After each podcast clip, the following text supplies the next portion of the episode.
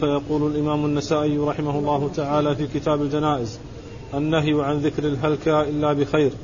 قال رحمه الله تعالى أخبرنا إبراهيم بن يعقوب قال حدثني أحمد بن إسحاق قال حدثنا وهيب قال حدثنا منصور بن عبد الرحمن عن أمه عن عائشة رضي الله تعالى عنها قالت ذكر عند النبي صلى الله عليه وسلم هالك بسوء فقال لا تذكروا هلكاكم إلا بخير.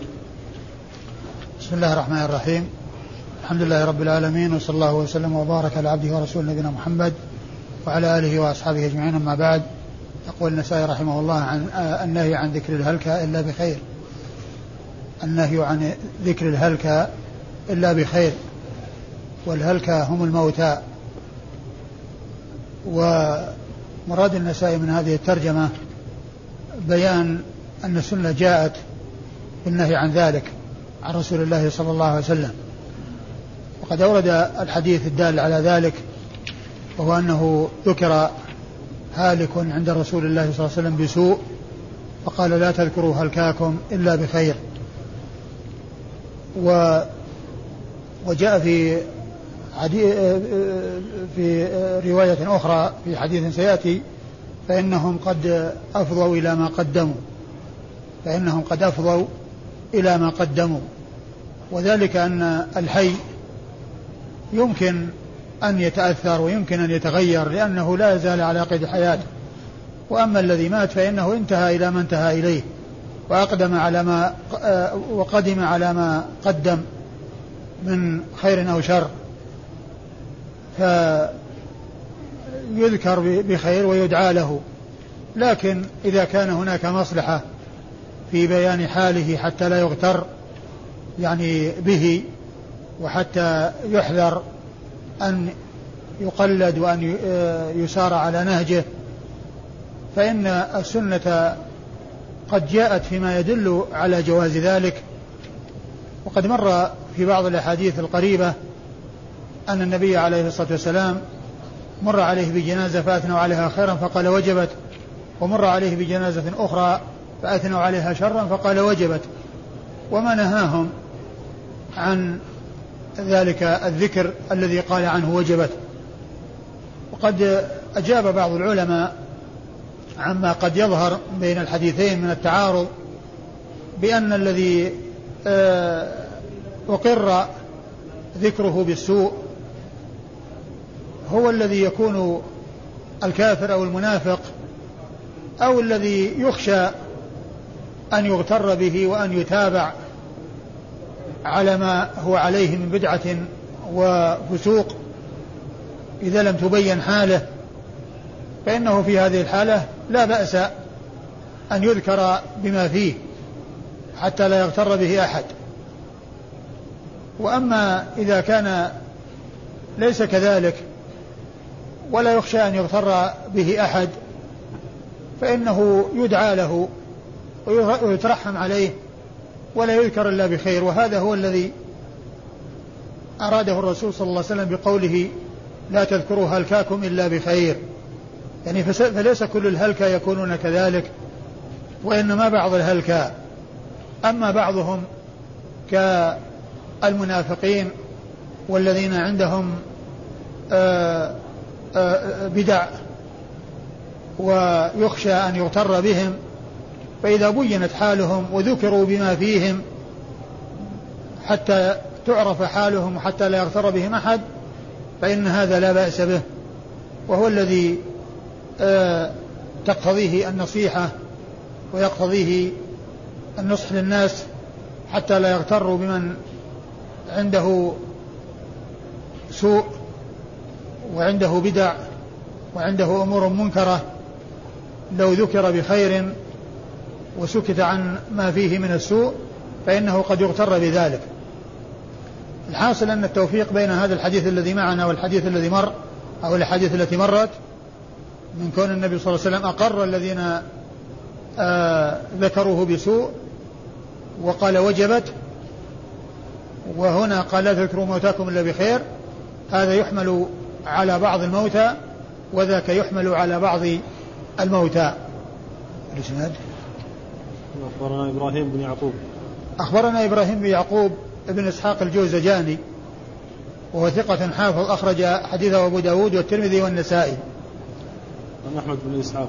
عن أحمد بن إسحاق وهو الفطري البصري وهو صدوق أخرج حديثه مسلم وأبو داود والترمذي والنسائي. قال حدثنا وهيب. قال حدثنا وهيب بن خالد البصري وهو ثقة ثبت أخرج له أصحاب الكتب الستة. عن منصور بن عبد الرحمن.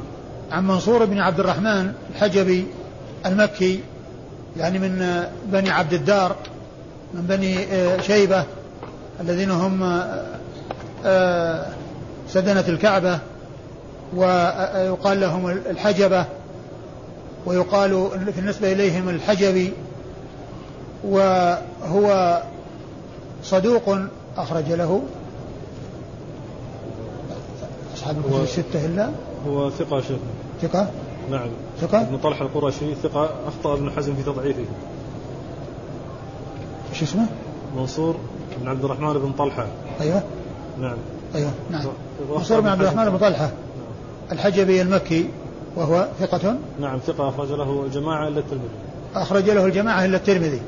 أخرج له أصحاب الكتب الستة إلا الترمذي. نعم. عن أمه.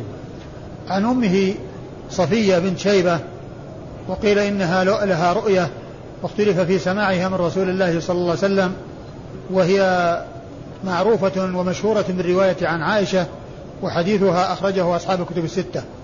عن عائشة أم المؤمنين رضي الله تعالى عنها وأرضاها الصديقة بنت الصديق التي حفظ الله تعالى بها الكثير من سنة رسول الله عليه الصلاة والسلام وهي من أوعية السنة وحفظتها وقد حفظت الشيء الكثير من حديث الرسول صلى الله عليه وسلم لا سيما ما يتعلق في الأمور البيتية والأمور التي تجري بين الرجل وأهله فإنها حفظت الشيء الكثير من ذلك وهي واحدة من سبعة أشخاص من أصحاب رسول الله صلى الله عليه وسلم عرفوا بكثرة الحديث عنه صلى الله عليه وسلم.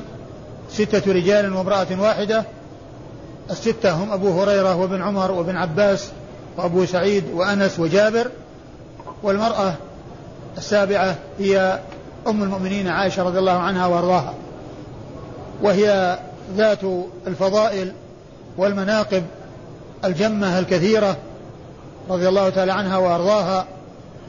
وقد أنزل الله تعالى في براءتها مما رويت به من الإفك آيات تتلى في سورة النور ومع ما أكرمها الله عز وجل به من إنزال براءتها في آيات تتلى من سورة النور كانت متواضعة وكانت لا ترى لنفسها شأنا ولهذا قالت كنت أتمنى وأرجو أن يرى النبي صلى الله عليه وسلم في منامه رؤيا يبرئني الله تعالى بها.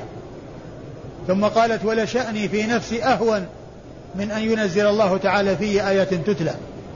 ولا شأني في نفسي أهون من أن ينزل الله تعالى في آيات تتلى. وهذا من تواضعها. وهذا شأن أولياء الله عز وجل. جمعوا بين الكمال والتواضع. جمعوا بين الإيمان بين, بين الكمال والتواضع لله عز وجل فهم مع كمالهم يعترفون ويشعرون بالتقصير ويتواضعون لله عز وجل ومن تواضع لله رفعه الله. ولهذا يقول الله عز وجل فيهم والذين يؤتون ما آتوا وقلوبهم وجلة أنهم إلى ربهم راجعون. فهذا من تواضعها رضي الله عنها وأرضاها كون تقول ولا شأني في نفسي أهون من أن ينزل الله تعالى في, تعالى فيه آيات تتلى. وابن القيم رحمه الله في كتابه آه، جلاء الأفهام في الصلاة والسلام على خير الأنام وهو كتاب نفيس يتعلق بالصلاة على النبي صلى الله عليه وسلم وبيان ما ورد فيها من الأحاديث وبيان فقهها وهو كتاب واسع ومفيد وهو خير ما ألف في الصلاة على النبي صلى الله عليه وسلم من حيث ما ورد في ذلك من الأحاديث ومن حيث ما اشتملت عليه من الحكم والأحكام والأسرار. وكان مما اشتملت عليه الصلاة على النبي صلى الله عليه وسلم ذكر الآل. وبمناسبة ذكر الآل اللهم صل على محمد وعلى آل محمد ترجم ابن القيم لكل واحدة من أمهات المؤمنين ترجمة مختصرة. وكان مما ذكره بترجمة عائشة يعني بيان تواضعها وقولها عن نفسها ولا شأن في نفس أهون من أن ينزل الله عز وجل في, آي في آيات تتلى. ثم قال أين هذا ممن يصوم له يوما من الدهر أو يصلي ركعتين في الليل ثم يقول أنا كذا وأنا كذا وأنا كذا؟ ويذكر أعماله ويفتخر بها وهذه أم المؤمنين رضي الله عنها وأرضاها يحصل لها ما يحصل من الفضائل ويكرمها الله عز وجل بما أكرمها به من الإكرام ومع ذلك تقول عن نفسها ولا شأني في نفسي أهون من أن ينزل الله تعالى في آيات تتلى. نعم. شيخ الله يحفظكم. أحمد بن إسحاق هذا هو الحضرمي البصري. أحمد بن إسحاق؟ إي نعم. الذي ليس الفطر الفطر سيأتي بعد إسنادين. نعم؟ نعم نعم, نعم. صح الحضرمي البصري. آه الفطري سيأتي. أحمد بن إسحاق الحضرمي البصري وليس الفطري وهو آه ثقة كان يحفظ ثقة آه، يحفظ وأخرج له مسلم وأبو داود نعم مسلم وأبو داود والترمذي والنسائي. نفس الذين خرجوا لتلميذه بزيادة مسلم. نفس الذين خرجوا لتلميذه إسحاق إبراهيم بن إسحاق بن يعقوب بزيادة مسلم عليهم. قال رحمه الله تعالى النهي عن سب عن سب الأموات. قال أخبرنا حميد بن مسعدة عن بشر وهو ابن المفضل عن شعبة عن سليمان الأعمش عن مجاهد عن عائشة رضي الله تعالى عنها قالت قال رسول الله صلى الله عليه وسلم لا تسبوا الأموات فإنهم قد أفضوا إلى ما قدموا. ثم أورد النسائي هذه الترجمة النهي عن سب الأموات. النهي عن سب الأموات. وهي قريبة من الترجمة التي قبلها. الترجمة التي قبلها النهي عن ذكر الهلكة إلا بخير. النهي عن ذكر الهلكة إلا بخير. أتى بهذه الترجمة لتطابق متن الحديث. يعني الحديث لا تذكروا مهلكاكم إلا بخير. وهنا أتى بالنهي عن سب الأموات لتطابق الحديث. وإلا فإن مؤداهما واحد. فإن مؤداهما واحد إلا أن الأولى فيها أنهم لا يذكرون إلا بخير. وقد عرفنا أن هذا في حق من لم يكن أهلا ليذكر حتى لا يغتر به وحتى لا يقلد ويتابع على ما هو معروف به من الأمور المنكرة والأمور المحرمة. وأما إذا كان ذكر الموتى والهلكة بالسوء يعني ليس من الحق وإنما هو من ذكرهم بما ليس فيهم ومن المجاوزة للحد ومن آه ذكرهم بما هو آه ليس حاصلا منهم فإن هذا يكون زيادة في حسنات الأموات ونقصا في حسنات الأحياء الذين سبوهم كما جاء عن النبي عليه الصلاة والسلام في قوله المفلس من يأتي يوم القيامة بصلاة وزكاة وصيام وحج ويأتي وقد شتم هذا وضرب هذا وسفك دم هذا وأخذ مال هذا فيعطى هذا من حسناته وهذا من حسناته فإن فنيت حسناته قبل أن يقضى ما عليه أخذ من سيئاتهم فطرح عليه ثم طرح في النار. أخذ من سيئاتهم فطرح عليه ثم طرح في النار. والنبي صلى الله عليه وسلم قال من كان يؤمن بالله واليوم الآخر فليقول خيرا أو ليصمت. وهذا في حق الكلام في الأحياء والأموات. الإنسان إما أن يتكلم بخير وإلا فإن الذي عليه السكوت والصمت وحفظ لسانه لأن إطلاق اللسان في الأحياء والأموات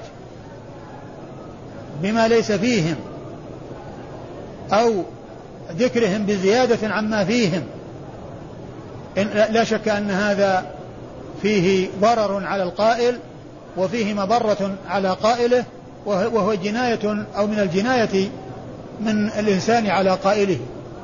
ولما قيل لعائشة رضي الله تعالى عنها يعني عن أناس كانوا يذكرون آه بعض الصحابة يعني آه ويتكلمون فيهم قالت أمروا أن يستغفروا لهم فسبوهم. يعني معناه أن أنهم لم يمتثلوا ما أمروا به من الاستغفار لمن تقدم بل سبوهم وتكلموا فيهم بما لا ينبغي. مرادها بذلك والذين جاءوا من بعدهم يقولون ربنا اغفر لنا ولإخواننا الذين سبقونا بالإيمان. ولا تجعل في قلوبنا غلا للذين آمنوا. ربنا إنك رؤوف رحيم. فلما تكلم الناس يعني في في عهد الفتنة في عثمان رضي الله تعالى عنه وأرضاه بلغ عائشة ما تكلم به فقالت أمروا أن يستغفروا لأصحاب رسول الله صلى الله عليه وسلم فسبوهم. أمروا أن يستغفروا لأصحاب رسول الله صلى الله عليه وسلم فسبوهم.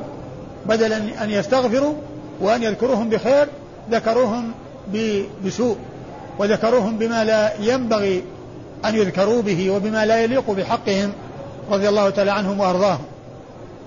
ولا شك أن من تكلم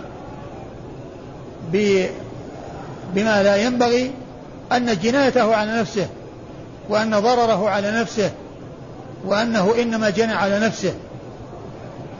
وقد ورد في حديث ذكره شارح الطحاوية ونسبه إلى مسلم وهو وهم لأنه ليس في صحيح مسلم وإنما هو في زيادات رزين على على الأصول الستة وهو أن عائشة رضي الله عنها وأرضاها قيل لها إن أناسا يقعون في أبي بكر وعمر. إن أناسا يقعون في أبي, في أبي بكر وعمر. قالت أو تعجبون من ذلك؟ انقطع عنهم العمل فأحب الله ولا ينقطع عنهم الأجر. انقطع عنهم العمل فأحب الله ألا ينقطع عنهم الأجر.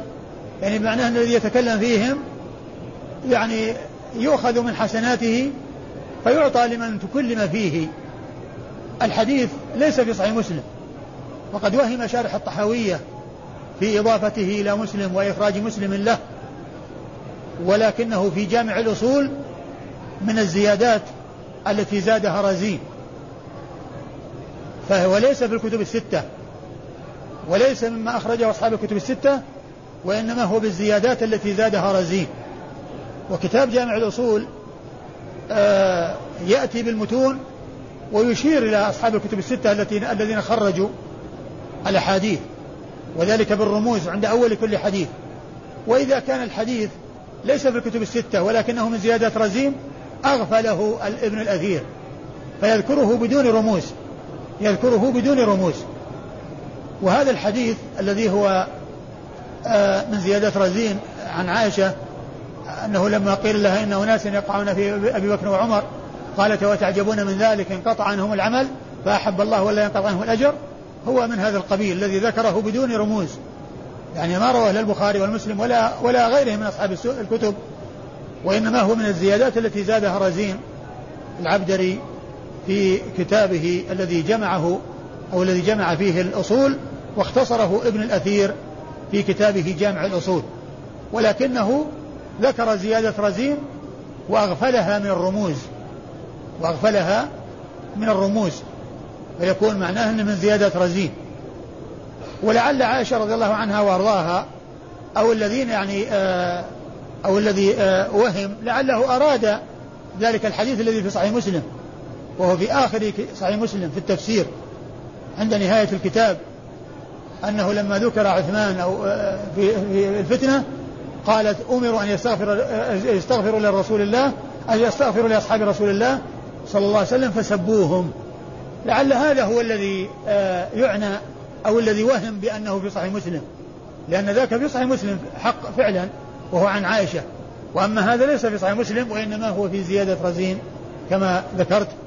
ومعنى الحديث واضح في أن ذكر الموتى آه، بغير حق أنه يعود على صاحبه بالمضرة وأنه آه يكون زيادة في حسنات المذكور أو المسبوب ونقصا من حسنات الساب. وحديث المفلس كما ذكرت الذي في الصحيحين واضح الدلالة على هذا المعنى. أخبرنا حميد بن مسعدة أخبرنا حميد بن مسعدة البصري وهو صدوق أخرج له مسلم وأصحاب السنة الأربعة. عن بشر هو بالمفضل عن بشر هو بالمفضل وهو ثقة ثبت عابد أخرج له أصحاب الكتب الستة وكلمة هو بالمفضل زادها النسائي أو من دون النسائي. ولم يزدها حميد بن مسعدة لأن تلميذه حميد إذا أراد أن ينسب شيخه يذكره كما يريد ولا يحتاج إلى أن يقول هو وإنما الذي يحتاج أن يقول هو هو من دون التلميذ. عن شعبة. عن شعبة بن الحجاج الواسطي ثم البصري ثقة ثبت وصف بأنه أمير المؤمنين في الحديث. وهي من أعلى صيغ التعديل وأرفعها وحديثه أخرجه أصحاب الكتب الستة. سليمان الأعمش. عن سليمان بن الأعمش سليمان بن مهران الكاهلي الكوفي لقبه الأعمش. هنا ذكر باسمه ولقبه اسم سليمان ولقبه الأعمش. ويأتي ذكره بالاسم دون اللقب ويأتي ذكره باللقب دون الاسم. ويقال أحيانا سليمان وأحيانا يقال الأعمش وقد يجمع بينهما كما هنا سليمان الأعمش ومعرفة ألقاب المحدثين نوع من أنواع علوم الحديث فائدتها ألا يظن الشخص الواحد شخصين. فيما إذا ذكر مرة بالاسم ومرة باللقب الذي لا يعرف أن هذا اسم وهذا لقب يظن أن هذا شخص وهذا شخص مع أنهما شخص واحد. وهو ثقة أخرج حديثه وأصحاب الكتب الستة.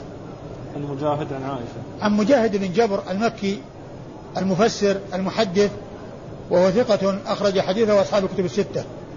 عن عائشة. عن عائشة أم المؤمنين رضي الله تعالى عنها وأرضاها وقد تقدم ذكرها. قال رحمه الله تعالى أخبرنا قتيبة. قال حدثنا سفيان عن عبد الله بن أبي بكر. قال سمعت أنس بن مالك رضي الله تعالى عنه يقول قال رسول الله صلى الله عليه وسلم يتبع الميت ثلاثة أهله وماله وعمله فيرجع اثنان أهله وماله ويبقى واحد عمله. ثم ورد النسائي حديث أنس بن مالك رضي الله عنه وهو قوله عليه الصلاة والسلام يتبع الميت ثلاثة آه، فيرجع اثنان ويبقى واحد. يرجع أهله وماله ويبقى واحد وهو عمله. وهذا الحديث أورده النسائي في هذه الترجمة وهي ترجمة النهي عن سب الأموات وهو ليس بواضح الدخول تحت هذه الترجمة. هو والحديث الذي بعده وهو ألصق بالترجمة الآتية وهي اتباع الجنازة لأن هنا فيه ذكر الاتباع وأن أهله يتبعونه وماله يتبعه وعمله كذلك فيرجع الأهل والمال ويبقى العمل فهو ألصق بالاتباع وهي الترجمة التي تلي هذه الترجمة. وأما النهي عن سب الأموات فالحديث الذي مر لا تسبوا الأموات فإنهم قد أفضوا إلى ما قدموا هذا هو المطابق للترجمة.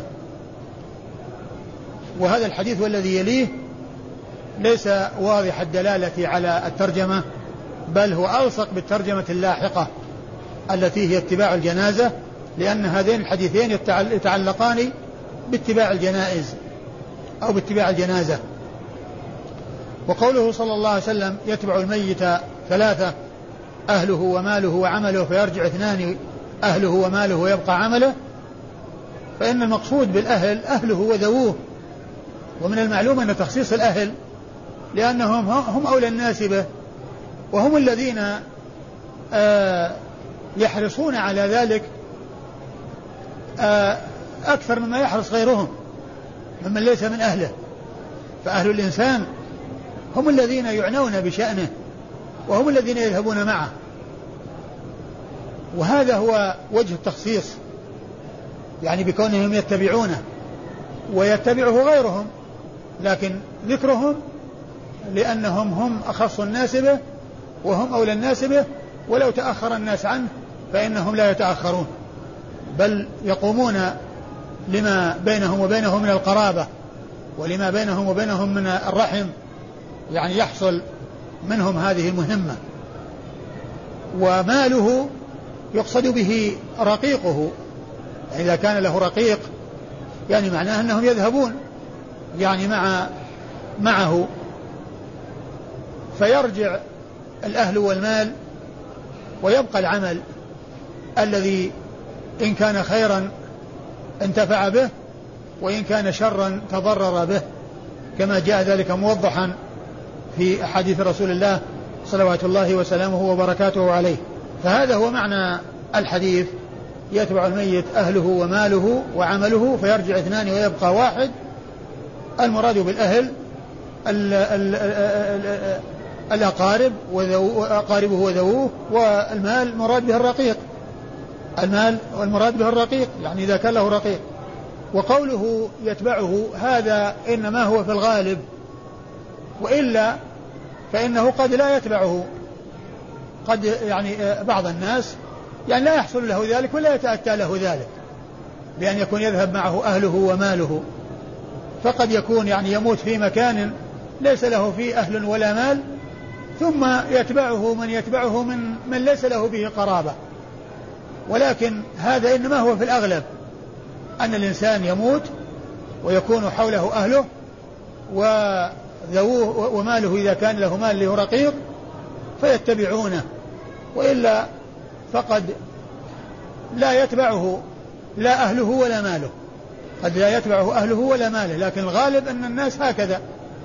يعني يكون أه-، أه-، أهله ورقيقه إذا كان له رقيق عنده فيتبعونه ويكون أخص الناس به وأولى الناس باتباعه. وكما قلت الحديث هو يتعلق يعني بالترجمة اللاحقة ولا يتعلق بالترجمة السابقة. الإسناد؟ أخبرنا قتيبة. أخبرنا قتيبة هو بن سعيد بن جميل بن طريف البغلاني ثقة ثبت أخرج له أصحاب الكتب الستة. عن سفيان وهو ابن عيينة. سفيان وهو ابن عيينة المكي وهو ثقة فقيه أخرج له أصحاب الكتب الستة.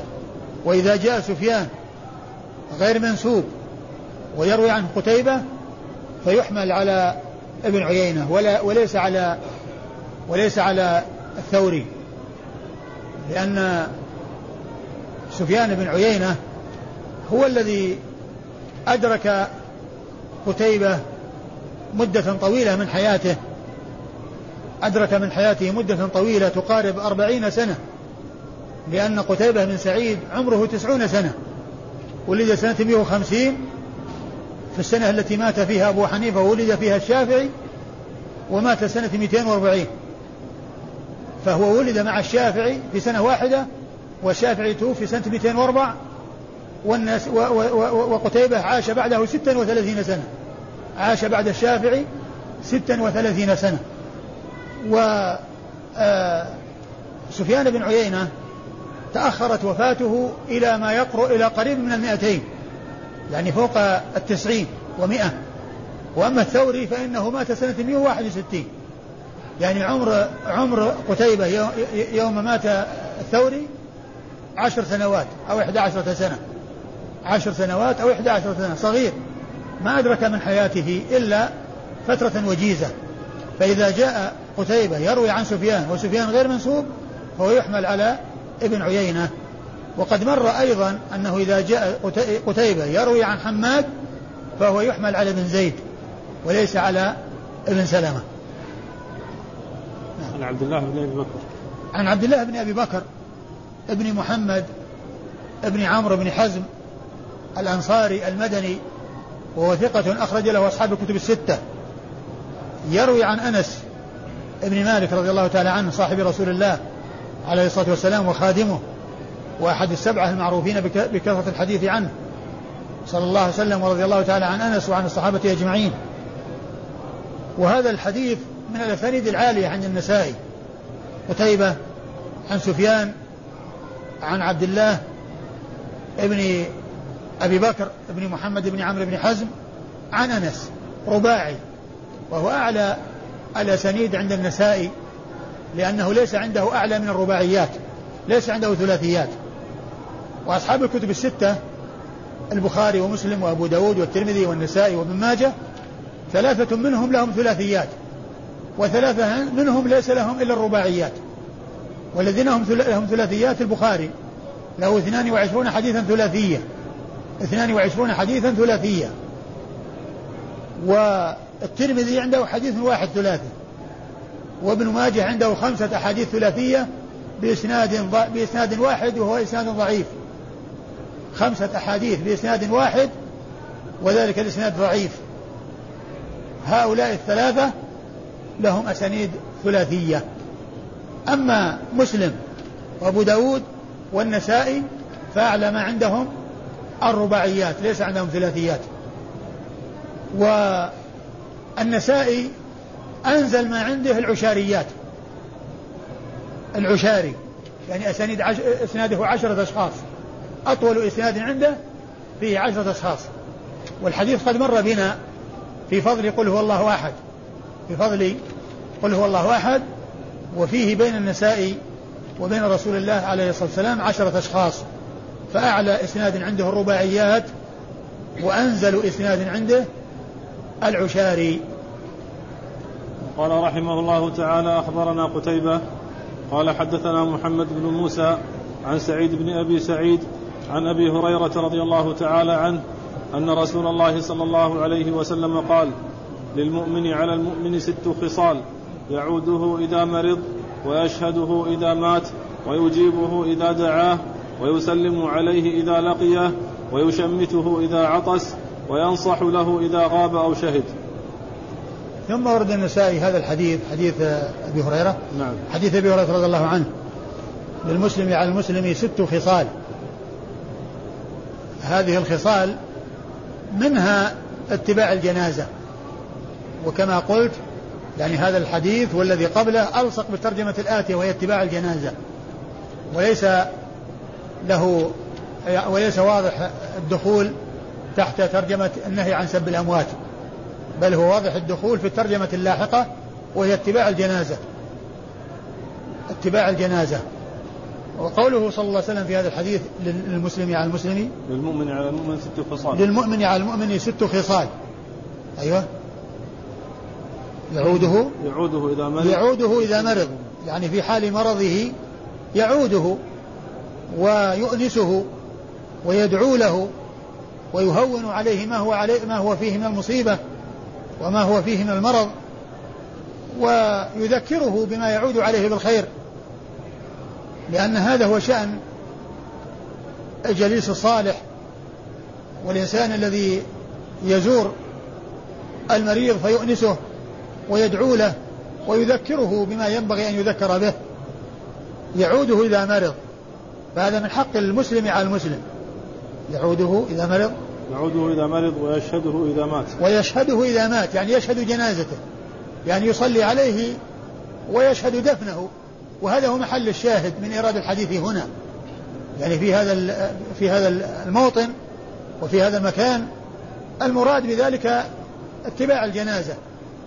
وهذا هو المطابق للترجمة الآتية. ويشهده إذا مات. يعني فيصلي عليه ويحضر دفنه. نعم. ويجيبه إذا دعاه. ويجيبه إذا دعاه. إذا دعاه إلى وليمة.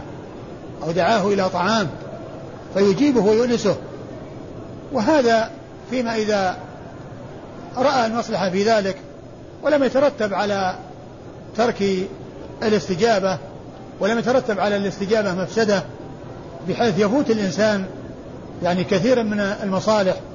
لأن الإنسان لو استجاب لكل دعوة فإنه يفوت مصالح كثيرة. ولكن آه، حيث يرى المصلحة في ذلك فإنه يجيبه فإنه يجيبه إلى دعوته إذا دعاه إذا دعاه لطعام ويسلم عليه إذا لقيه. ويسلم عليه إذا لقيه. يسلم عليه وهذا من حق المسلم على المسلم. وابتداء السلام سنة ورده واجب. ابتداء السلام سنة ورده واجب. ويشمته إذا عطس. ويشمته إذا عطس إذا عطس وحمد الله. إذا عطس وحمد الله فإنه يشمته. فيقول يرحمكم الله. أما إذا لم يحمد الله فإنه لا يشمت. إذا لم يحمد الله فإنه لا يشمت وإنما يشمت إذا حمد الله. يقول يرحمك الله ثم يجيب المشمت بقوله يهديكم الله ويصلح بالكم كما جاءت بذلك السنة عن رسول الله صلى الله عليه وسلم. وينصح له إذا غاب أو شهد. وينصح له إذا غاب أو شهد.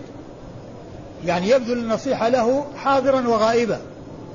ما يكون ينصح له إذا كان عنده وإذا غاب يتغير الحال وتتغير الحال وإنما يكون له ناصحا في حال حضوره وفي حال غيابه في حال شهوده وفي حال عدم شهوده في جميع الأحوال. ولهذا قال إذا غاب أو شهد يعني في حال غيبته وفي حال حضوره.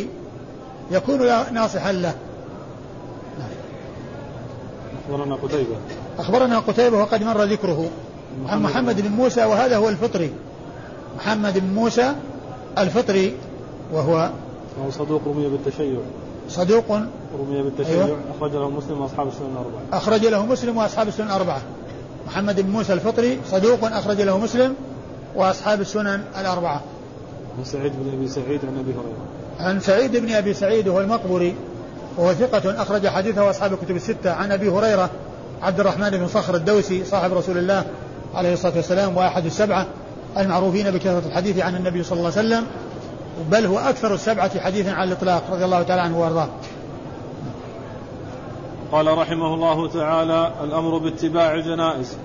قال أخبرنا سليمان بن منصور البلخي قال حدثنا أبو الأحوص حاء قال وأخبرنا هناد بن السري في حديثه عن أبي الأحوص عن أشعث عن معاوية بن س... عن معاوية بن سويد.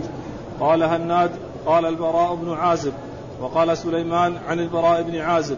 قال أمرنا رسول الله صلى الله عليه وسلم بسبع ونهانا عن سبع.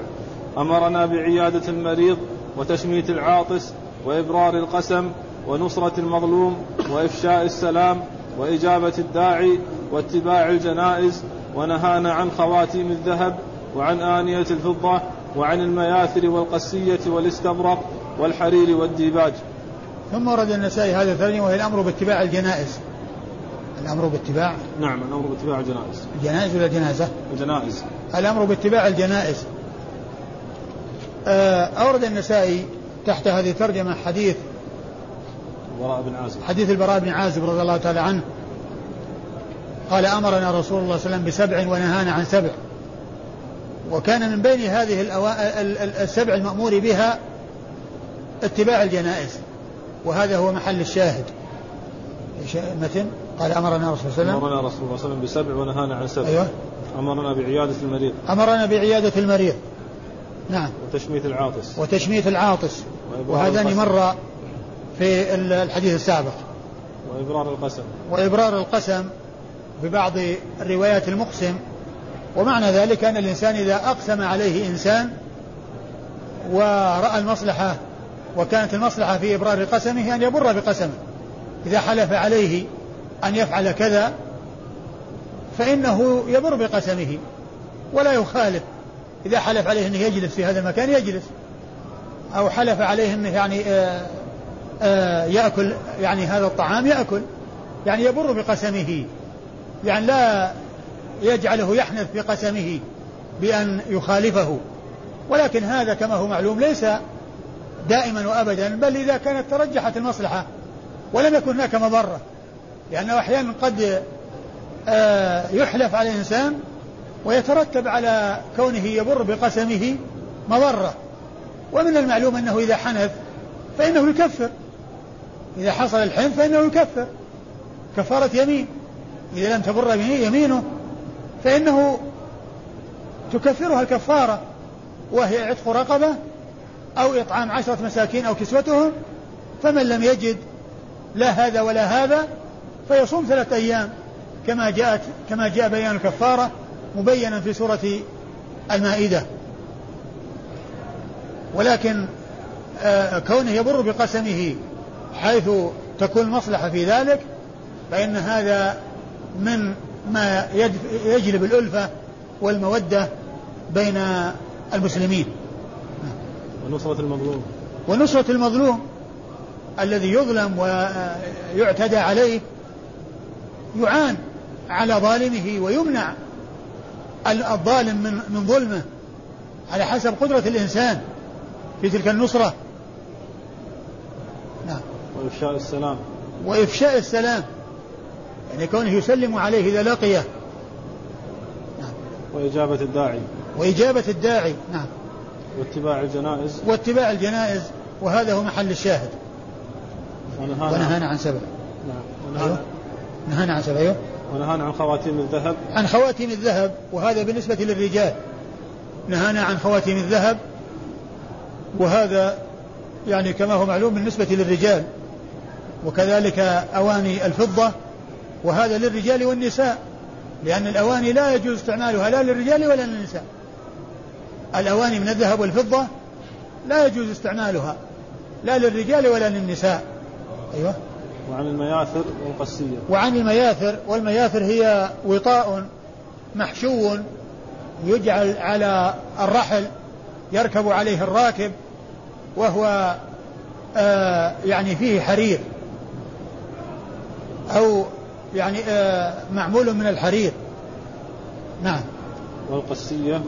القسية وهي نسبة إلى بلد والمراد به أيضا نوع من أنواع الحرير وقيل إنه اللباس الذي آه خلط بحرير. والاستبرق. والاستبرق والديباج هما نوعان نفيسان من الحرير. الحرير يعني عام وتلك أسماء خاصة لأنواع من الحرير تتميز بصفاتها عن عموم الحرير فالديباج والاستبرق نوعان نفيسان من أنواع الحرير فالحرير عام والاستبرق والديباج يعني آه، أشياء خاصة وهي من أنواع الحرير. والمقصود من ذلك المنع من استعمال يعني هذه الأمور جميعها للرجال وبالنسبة للنساء لا يمنعن من اتخاذ الخواتيم واستعمال الذهب في الحلي والتزين لا يمنعن من ذلك وكذلك أيضا آه، وأما بالنسبة لآنية الفضة فهذه يمنع منها الرجال والنساء. وأما آه، ما يتعلق بالحرير فإنه حلال والنبي صلى الله عليه وسلم أخذ ذهبا وحريرا ورفعهما وقال هذان حرام على ذكور أمتي حل لإناثها. أخبرنا سليمان بن منصور. أخبرنا سليمان بن منصور البلخي وهو ثقة أخرج حديثه النسائي وحده. ذكر أنه لا بأس به. قال ثقة لا بأس به. عندكم لا بأس به؟ لا بأس به. فقط؟ نعم. في التقريب قال ثقة لا بأس به. ما أدري هل هل هي يعني هل هي خطأ الجمع بينهما؟ أو آه أن إحداهما بأي أي النسخ؟ الشامية ها الشامية؟ نعم. على كل لا أدري لكنه قال آه في التقريب المصرية ثقة لا بأس به نعم. قال حدثنا أبو الأحوص قال حدثنا أبو الأحوص وهو سلام بن سليم الحنفي الكوفي سلام بن سليم الحنفي الكوفي وهو ثقة متقن أخرج حديثه أصحاب الكتب الستة ثم قال حاء وأخبرنا هناد بن السري ثم قال حاء وهذه علامة التحول من إسناد إلى إسناد قال أخبرنا هناد بن السري أبو السري الكوفي وهو ثقة أخرج له أخرج له البخاري في خلق أفعال العباد ومسلم وأصحاب السنن الأربعة. عن أبي الأحوص. عن أبي الأحوص الذي مر في الإسناد السابق. عن أشعث. عن أشعث عن أشعث وهو ابن أبي الشعثاء المحاربي الكوفي وهو ثقة أخرج له أصحاب الكتب الستة. عن معاوية بن سويد. عن معاوية بن سويد بن مقرن المزني وهو ثقة أخرج له أصحاب الكتب الستة. نعم. نعم. نعم ثقة. وهو ثقة أخرج له أصحاب الكتب الستة. نعم.